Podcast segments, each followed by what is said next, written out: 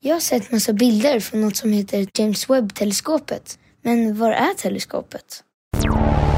Hello World presenterar Har vi åkt till Mars än Junior? Programmet där vi besvarar dina frågor om rymden. Jag heter Susanna Levenhaupt. Jag heter Marcus Pettersson.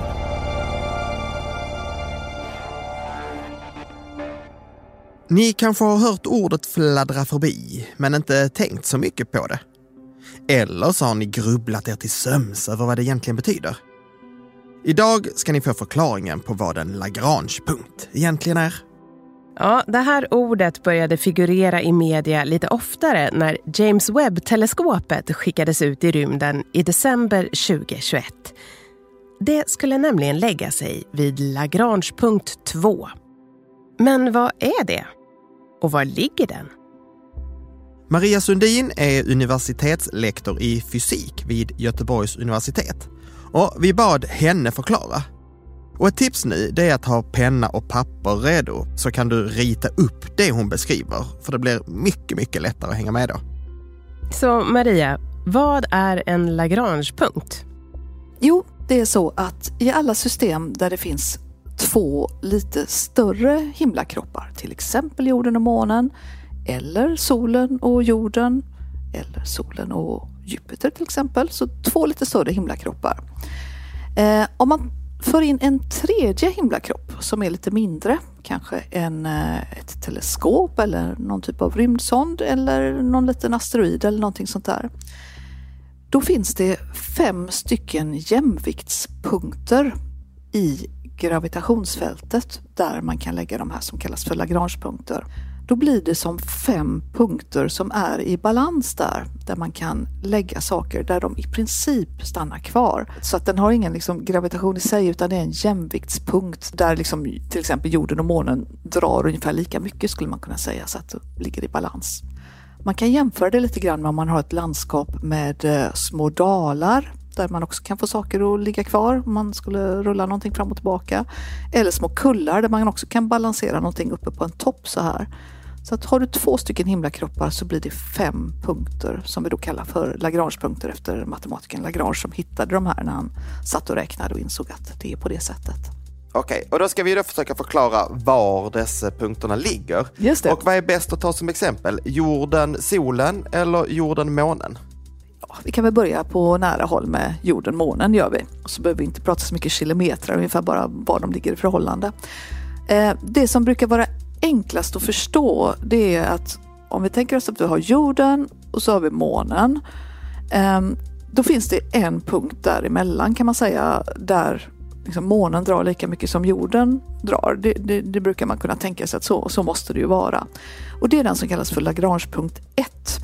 Och eh, den ligger då, eftersom månen är mindre än vad jorden är, så ligger den närmare månen än jorden. Och jag får mig att den ligger på ungefär 15 procent av avståndet mellan jorden och månen, liksom från månen till den punkten. Ehm, sen så ligger ju inte jorden och månen helt stilla i solsystemet utan månen rör ju sig runt jorden och så fort det kommer in rotation och sådant då får man effekter av det, precis som att man känner av om man åker i en karusell eller någonting som roterar, att man pressas lite hit och dit och slängs lite hit och dit.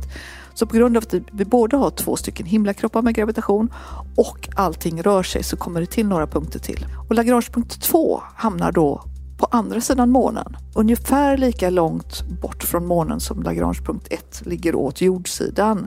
Det rör sig om runt 15 procent liksom längre bort.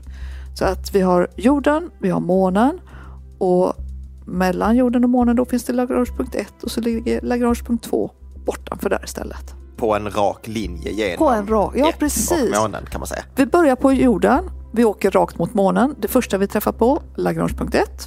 Sen kommer månen och sen kommer Lagrangepunkt 2. Och här kan man ju redan då börja se att de har säkert olika fördelar beroende på vad man vill titta på eller om man vill ha kommunikation med jorden, var man lägger någonting någonstans. Sedan om vi tänker oss eh, att månen i stort sett går i bana runt jorden så här. Så Lagrangepunkt 3 ligger ungefär i månens bana fast mittemot där månen råkar befinna sig. Så att om vi tittar från jorden mot månen och sen så vänder vi oss om och tittar åt andra hållet på den här cirkeln. Det är fortfarande allting är på en rak linje. Men eh, då hittar vi Lagrangepunkt 3 där. På andra sidan jorden? På andra sidan jorden, precis. Vi börjar på jorden, åker mot månen, träffar L1, träffar månen, träffar L2. Sen vänder vi, åker tillbaka igen från L2, månen, L1, jorden. Whoops, hela vägen ut till månbanan igen. Där träffar vi L3. L4 och L5 då? Ja, de är inte riktigt lika intuitiva. Men eh, om man sätter sig ner och ritar på ett papper, ritar ut jorden, ritar ut månen. Så kan man sätta sig där med en penna och försöka pricka in var någonstans är det lika långt till jorden som till månen i månens bana. Och ganska så snabbt då så kommer man faktiskt hitta Lagrangepunkt 4 och Lagrangepunkt 5. Båda ligger i månens bana runt jorden. Lagrangepunkt 4 ligger lite före månen om man ser till hur månen rör sig och Lagrangepunkt 5 ligger lite efter månen i månens bana. I själva verket om man utgår från en linje som går mellan jorden och månen så ligger Lagrangepunkt 4 exakt 60 grader framför och Lagrangepunkt 5 ligger 60 grader bakom. Och även de är då alltså jämviktspunkter i gravitationsfältet. Ligger de alltid i 60 graders vinkel oberoende av de två objektens storlek? Ja, det gör de.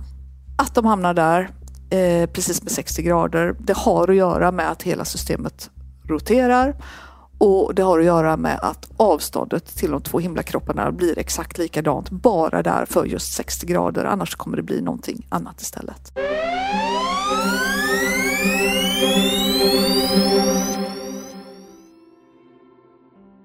Okej, vi ritar upp det tillsammans. Först ritar vi ut jorden. Sen ritar vi en cirkel runt jorden som alltså är månens bana och som vi också ritar ut månen på. Sen tar vi fram linjalen och så ritar vi en linje rakt igenom månen och jorden och hela systemet med ordentligt med marginal på båda sidor. Och längs den linjen ska vi alltså placera ut Lagrangepunkt 1, 2 och 3. Första punkten ligger mellan jorden och månen, men mycket, mycket närmare månen på vår linje. Lagrangepunkt 2 ligger lika långt från månen, fast på baksidan på linjen. Och för att sen sätta ut punkt 3 så följer vi linjen tillbaka rakt genom jorden och placerar den på andra sidan i månens bana. Lagrangepunkt 4 och 5 är lite knepigare. Men om vi följer månens bana i den här cirkeln runt jorden och dessutom tar fram vår gradskiva så kan vi hitta punkterna. Punkt 4 ligger 60 grader framför månen i omloppsbanan och punkt 5 ligger lika långt bakom. Hänger ni med? Och de här punkterna finns alltså i alla system där det är två större himlakroppar som påverkar varandra med sin gravitation. Och när vi pratar om det där superteleskopet James Webb som tar bilder av rymden som vi bara kunnat drömma om tidigare så ligger det alltså i Lagrangepunkt 2 i jorden-solen-systemet. Det är alltså bakom jorden från solens sätt och tittar bort från solen. Vilket är jättebra när man ska ta bilder på stjärnor och galaxer. Vill du veta mer om James Webb och Lagrangepunkter? Gå in på helloworld.se och klicka dig vidare till den här podden. Där finns en längre intervju med Maria Sundin samt bilder som visar allt det vi pratat om klart och tydligt så du kan hänga med ordentligt. Jag heter Marcus Pettersson. Jag heter Susanna Levenhaupt. Har vi åkt till Marsen Junior produceras för Hello World i samarbete med Teknikföretagen.